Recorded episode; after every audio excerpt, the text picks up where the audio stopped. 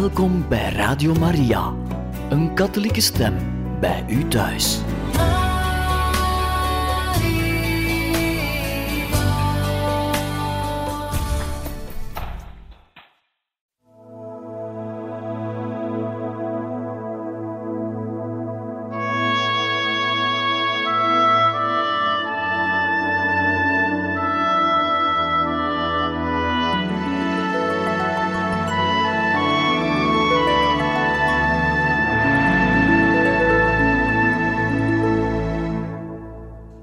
Beste luisteraars van Radio Maria, in dit programma Heiligen Getuigen lezen wij verder voor uit het leven van de heilige zuster Faustina. En we zijn gekomen bij het onderwerp dienstmeisje. In het voorjaar van 1921 zei de 15 jaar oude Helene tegen haar moeder: Mama, pa werkt zo hard maar toch heb ik nog geen kleren. Ik heb de slechts uitziende jurk van alle meisjes. Ik zou eigenlijk uit huis moeten gaan om iets voor mijzelf te verdienen. De moeder, die haar twee oudste dochters al toestemming had gegeven om als dienstmeisje te gaan werken, dacht een ogenblik na en zei: Wel, mijn kind, ga, in Gods naam.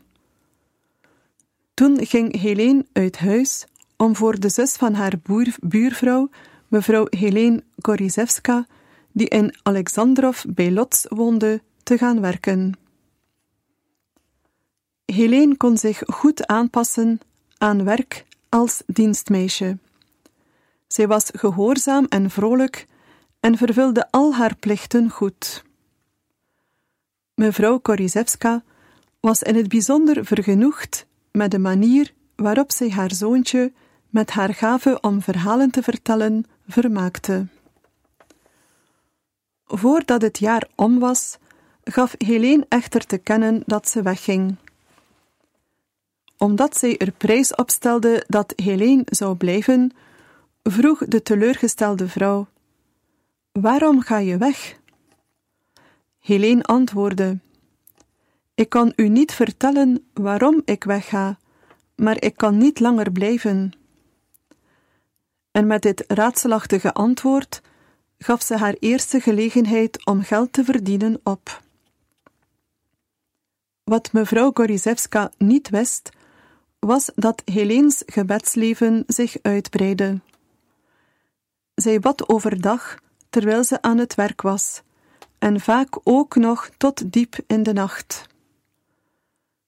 Als gevolg van een vreemde schittering die haar wakker hield, kon zij niet slapen.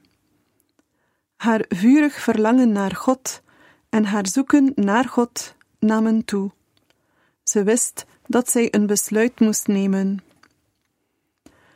Helene vertelde het nieuws eerst aan haar moeder. Moeder, ik moet in het klooster gaan. Beide ouders weigerden om aandacht aan haar motieven te besteden.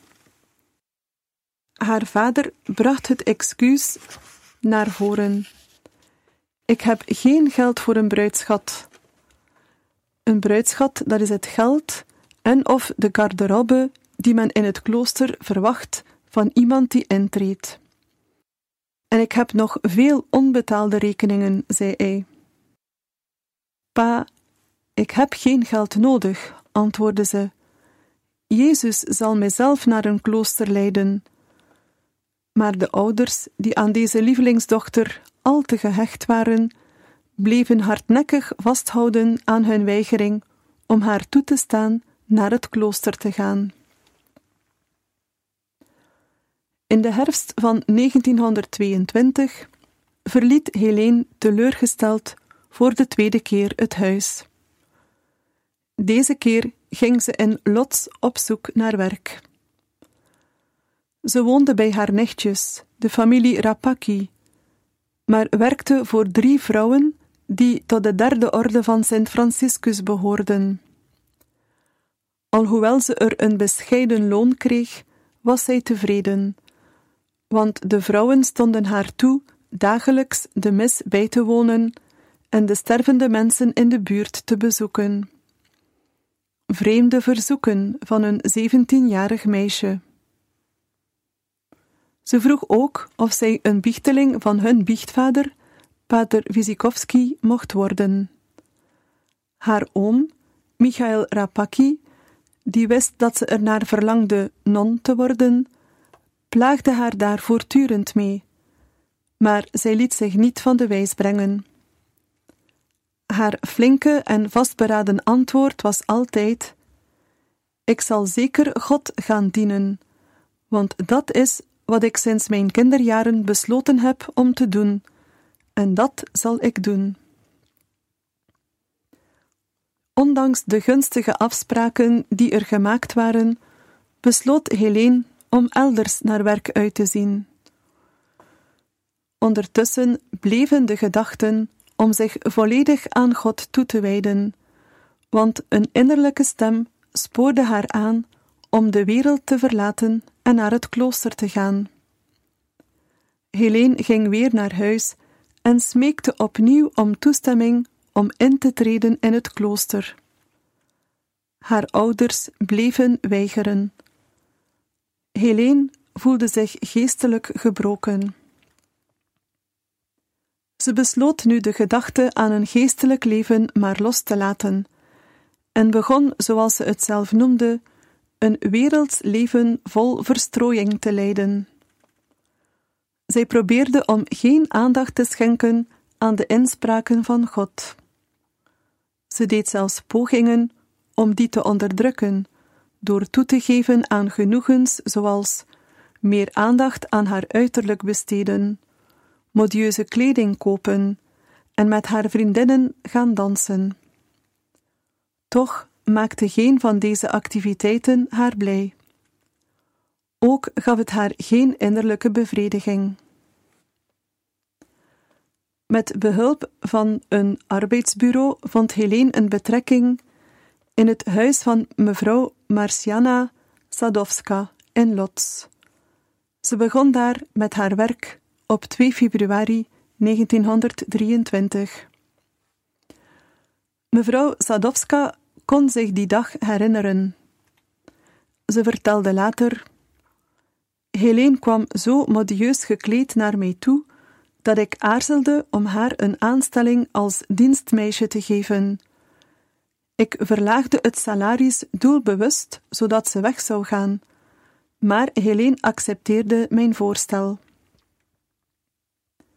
Mevrouw Sadowska had het heel druk met haar kruidenierswinkel. Ze was blij met haar nieuwe dienstmeisje en oppas voor de baby. Ze zag eveneens dat Helene een gave had om voor kinderen te zorgen. S'avonds zette het meisje de drie kleine kinderen naast zich en vertelde hen zulke interessante verhalen dat ze er geheel door beslag genomen waren. Andere keren barsten de kinderen in lachen uit en Helene volgde hen daarin. Mevrouw Sadowska merkte dat Helene heel betrouwbaar was. Wanneer ze dus een korte reis moest maken, voelde zij zich rustig. Ze wist dat Helene het huishoudelijk werk beter deed dan zij het zelf zou kunnen doen. Soms gingen ze samen boodschappen doen. Helene wilde altijd de boodschappentas dragen. Omdat ze zag hoe uitgeput het jonge meisje was van het vasten, probeerde mevrouw Sadowska, overigens zonder succes, om de tas van haar over te nemen. Mevrouw Sadowska kon niet over het hoofd zien dat Helene zich iedere woensdag, vrijdag en zaterdag van vlees onthield. In de vastentijd at ze helemaal geen vlees. Ze onthield zich op de genoemde drie dagen ook van zuivelproducten. Op een dag kwam Heleens zus, Josephine, die inmiddels mevrouw Jasinska geworden was, haar opzoeken. Mevrouw Sadowska stelde Helene voor om haar zus met een tractatie te verrassen. Helene liep dus snel naar de winkel en kwam terug met een honingbroodje. Helene, Waarom heb je niet wat vlees gepakt? vroeg mevrouw Sadowska.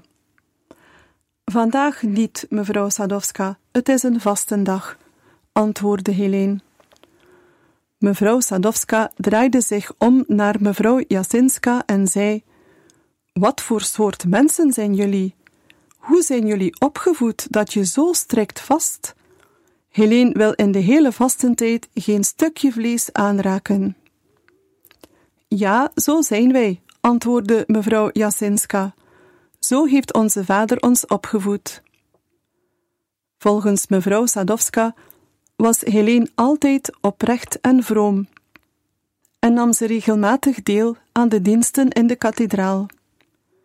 Het viel haar echter ook op dat Helene een vrolijke aard had en zo geestig was dat zij gemakkelijk blijspelactrice had kunnen worden. Haar goedheid, hulpvaardigheid en blije lach maakten haar tot een zeer beminnelijk mens. Zonder dat ze haar toekomstplannen aan haar werkgeefster meedeelde, verliet Helene op 1 juli 1924 haar betrekking. Ze zou eerder weggegaan zijn, zei mevrouw Sadowska, maar ze was zo goed en zorgzaam. Ik weet dat ze wachtte totdat mijn baby geboren was.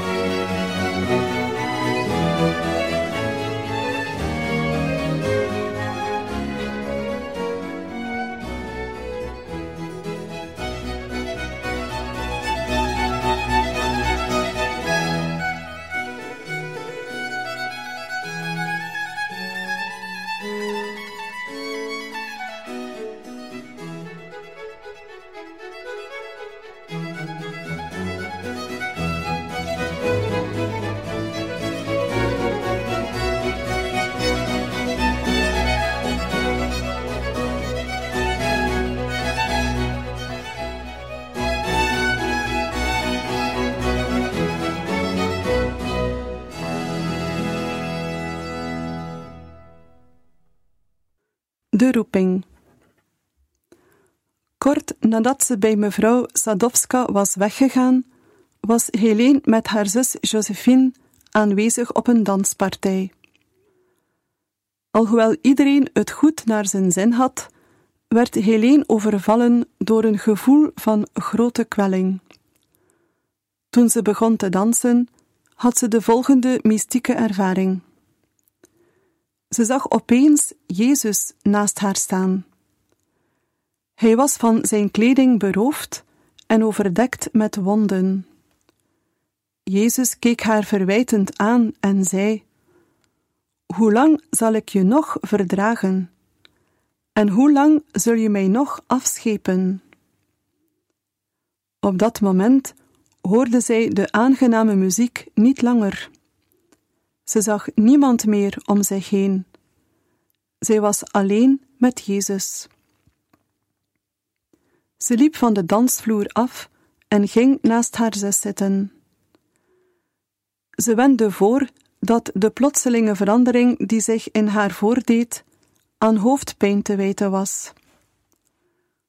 Toen sloop ze ongemerkt uit de danszaal en liep in de richting van de kathedraal van Sint Stanislaus Kostka. Het begon al te schemeren. Er waren maar een paar mensen in de kerk. Ze was zich niet bewust van de mensen om haar heen en boog zich tot op de grond voor het tabernakel. Uit de diepte van haar gekwelde ziel smeekte ze de Heer haar licht te geven over zijn wil en haar te zeggen wat haar volgende stap moest zijn. Plotseling hoorde zij de woorden: Ga onmiddellijk naar Warschau. Je zult daar in een klooster treden. Ze stond op van haar gebed en ging naar huis om haar bagage in te pakken. De volgende morgen ging ze naar haar zus om afscheid te nemen. Daarna ging ze weer naar het huis van haar oom en zei tegen hem: Ik ga naar Warschau om in een klooster te treden. Mijn God, Helene, wat ga je doen? riep haar oom uit. Je weet dat dit je lieve vader en moeder heel verdrietig zal maken en hun harten zal breken. Helene antwoordde: Goede oom, vertel ze dan nu niets. Als u ze later een bezoek gaat brengen, geef ze dan deze kleren. En wat heb jij dan nog over? vroeg hij. Wat ik aan heb is genoeg. Jezus zal in al mijn noden voorzien, antwoordde ze. Helene ging naar Warschau met alleen het stel kleren dat ze aan had. Haar oom bracht haar naar het spoorwegstation. Ze hield zich goed totdat ze in de coupé zat. Toen kwamen de tranen.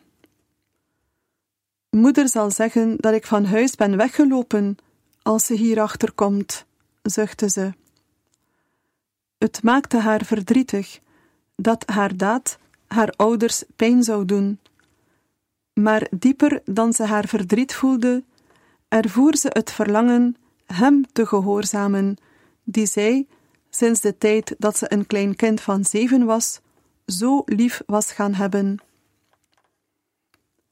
Het was al laat in de middag toen de trein in Warschau aankwam.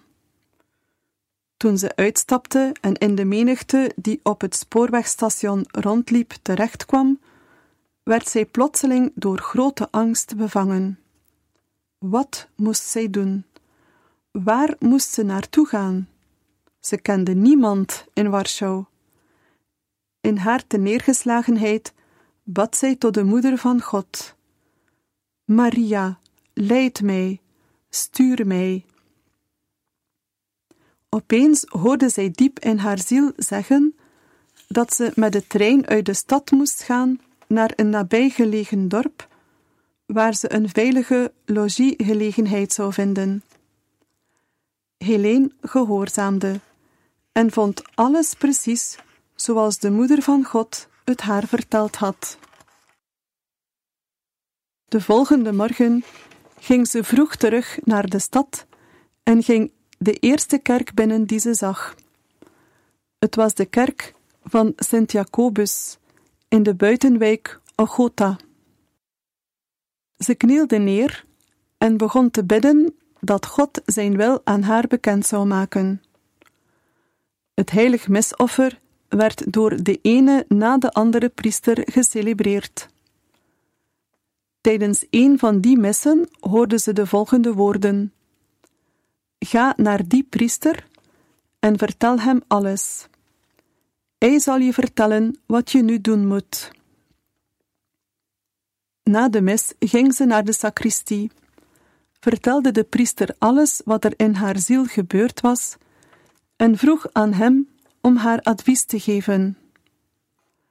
Ze wilde graag weten in welk klooster zij het beste kon intreden. In het begin was die priester verbaasd, maar daarna zei hij haar werkelijk vertrouwen te hebben en verdere leiding van God af te wachten. Voorlopig, zei hij, terwijl hij haar een briefje overhandigde, zal ik je naar een vrome vrouw sturen, bij wie je kunt blijven totdat je in het klooster intreedt. Zo stuurde de eerwaarde kanonik Jacobus Davrowski, die pastoor van de Heilige Jacobuskerk in Warschau was, Helene in de zomer van 1924 naar mevrouw Aldona Lipsic. Omdat hij een goede vriend van haar man was, wist pater Dabrowski dat mevrouw Lipsic, die vier kinderen had, op zoek was naar een meisje. De familie Lipsic woonde in Ostrovek, dat niet ver van Warschau lag.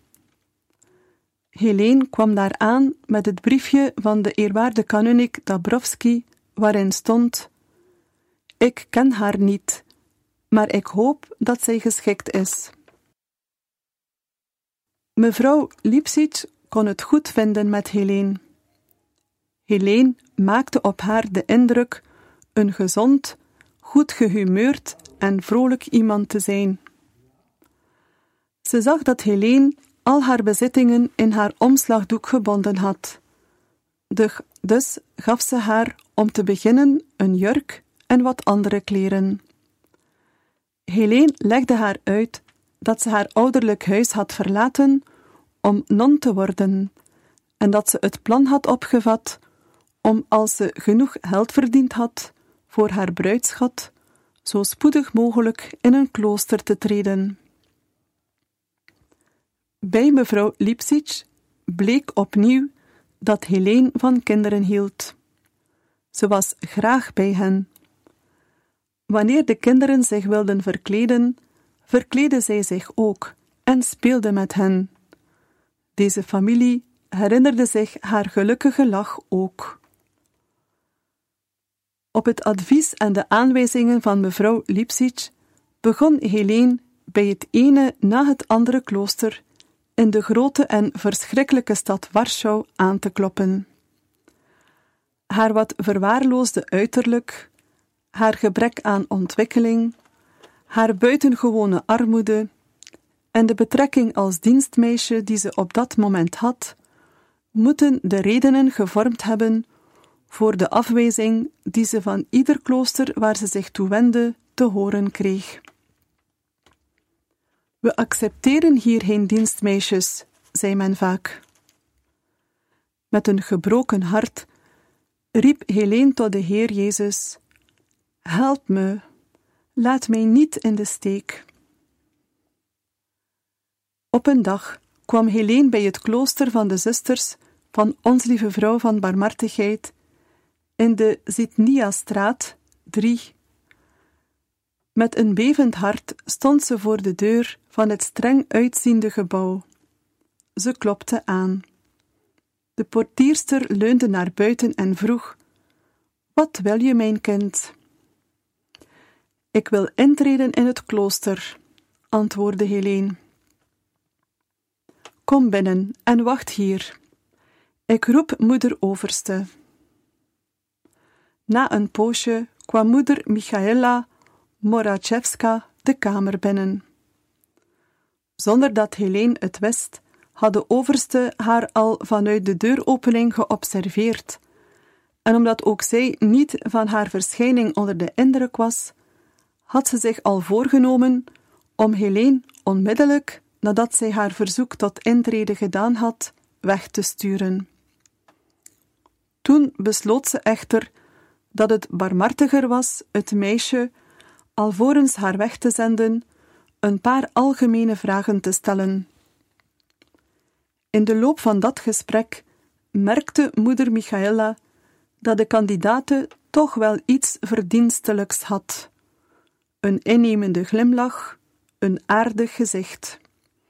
Ze gaf blijk van grote eenvoud en ernst, en uit haar manier van praten bleek dat ze een behoorlijke dosis gezond verstand had.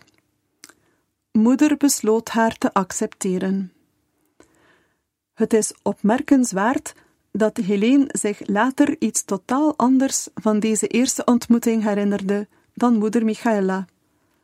Ze schreef in haar dagboek: Toen moeder Overste, de tegenwoordige moeder-generaal Michaela, naar buiten kwam om mij te ontmoeten, zei ze me, nadat we een kort gesprek gevoerd hadden, naar de heer van het huis te gaan en te vragen of hij me wilde aannemen.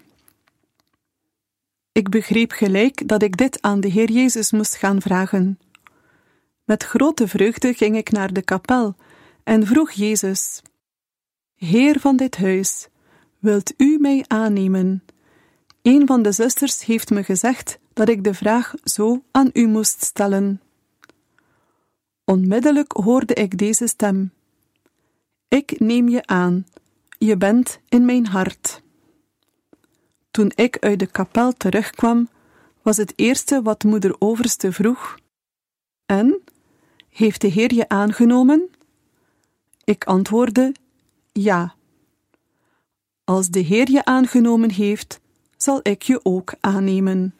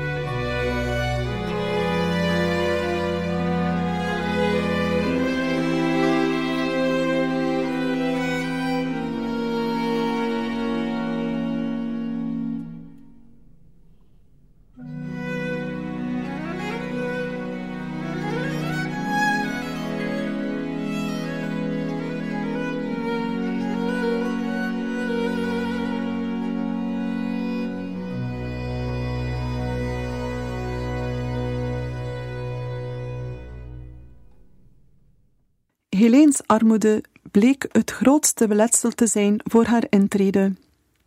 Ze had geen bruidschat. De heilige stoel kon haar hier gemakkelijk ontheffing van verlenen, maar ze had een garderobe nodig en de kloostergemeenschap had voor dat doel geen geld gereserveerd.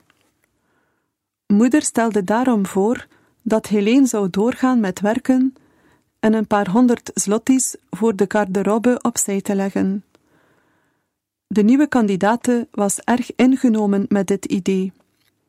Men kwam overeen dat ze haar gespaarde geld op vastgestelde tijden naar het klooster zou brengen, zodat men het daar in bewaring zou houden.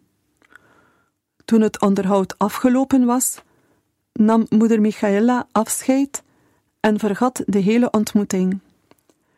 Helene ging terug naar het huis van mevrouw Lipsic en zette haar werk als dienstmeisje voort om de vereiste som geld te verdienen. Een paar maanden later was het voor moeder Michaela nogal een verrassing toen ze, terwijl ze op bezoek was in een huis van de congregatie in Vilnius, een brief kreeg waarin stond dat een zekere jonge vrouw zestig zlotys had gebracht, om dat, zoals afgesproken was, in bewaring te houden. Pas nadat zij haar geheugen aan een onderzoek had onderworpen, herinnerde moeder Michaela zich weer waar het allemaal om ging. Van toen af bleef Heleens deposito groeien en binnen een jaar had zij de vereiste som geld ingeleverd. Twee bijzondere gebeurtenissen vormden in die tijd een beproeving voor haar. De eerste werd door haar werkgeefster, mevrouw Lipsic, veroorzaakt. Zij hield van het sympathieke, sproetige en roodharige meisje dat zo'n blije en gezonde kijk op het leven had. Deze vriendelijke vrouw, die de vreugde die het leven als religieuze met zich meebrengt, niet begreep, begon huwelijksplannen voor haar dienstmeisje te maken. Als zij aandacht besteed had aan de thema's van de liederen en hymnen die haar meisje graag zong, zou ze zich gerealiseerd hebben dat de gedachte aan een huwelijk niet in haar hoofd opkwam. Ze wist natuurlijk niet dat Helene al een belangrijke beslissing had genomen die haar leven zou beïnvloeden. Dat had Helene gedaan tijdens de vespers gedurende het octaaf van Sacramentsdag op 25 juni 1925. Toen ze zich op die dag met al het verlangen van haar ziel tot God keerde, gaf hij haar in een inwendige verlichting een diepere kennis van hemzelf als het hoogste goed en de verhevenste schoonheid. Zij ervoer de diepte van de liefde die God van alle eeuwigheid af voor haar had. Met eenvoudige woorden die vanuit haar hart kwamen, legde Helene een gelofte van levenslange kuisheid af. Het is niet verwonderlijk dat haar lievelingslied in die tijd was De verborgen Jezus. Jezus, verborgen in het heilige sacrament, Hem wil ik aanbidden. Voor Hem aan alles verzaken, alleen door Zijn liefde leven. De andere gebeurtenis waardoor zij beproefd werd, deed zich voor toen haar zus Geneviève haar kwam opzoeken. Alhoewel Helene nooit naar huis terugging, schreef ze vanuit Warschau wel naar haar ouders. Ze deelde hen mee dat ze in het klooster opgenomen zou worden als zij genoeg geld verdiend had voor een garderobe. Geneviève werd door haar ouders naar haar toegestuurd om te proberen of ze Helene kon ontraden om in het klooster in te treden en om haar te overreden met haar mee naar huis te gaan. Toen Geneviève besefte hoe vastberaden Helene zich aan haar besluit hield om in het klooster te gaan, liet ze zich vermurwen. Nadat ze de nacht in Warschau had doorgebracht, ging Geneviève terug naar huis in Glogowiec. Het was een verdrietig moment voor haar ouders toen ze haar zonder Helene weer thuis zagen komen. Toen alle bezwaren uit de weg geruimd waren, trad Helene eindelijk in het klooster in, op de avond van het feest van Onze Vrouw van de Engelen, op 1 augustus 1925. Verscheidene jaren later schreef ze over dit ogenblik in haar dagboek. Ik voelde mij intens gelukkig. Het leek mij toe alsof ik in het paradijs terecht was gekomen. Maar één gebed welde uit mijn hart op, dat van dankzegging. Hoofdstuk 2 Noviciaat 1925 tot 1928 Postulante. De congregatie van de zusters van Onze Vrouw van Barmhartigheid, waarin Helene Kowalska was aangenomen, kwam oorspronkelijk uit Laval in Frankrijk en was daar in 1818 door Teresa Rondeau gesticht.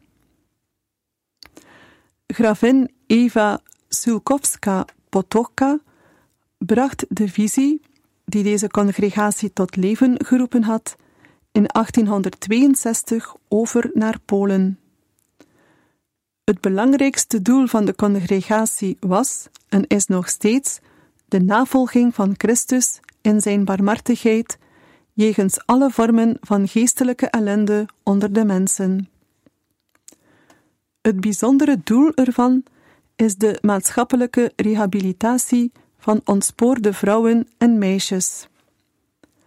Een karakteristieke trek van de congregatie is een bijzondere devotie tot Maria, moeder van barmhartigheid, die ook patrones van de gehele congregatie is.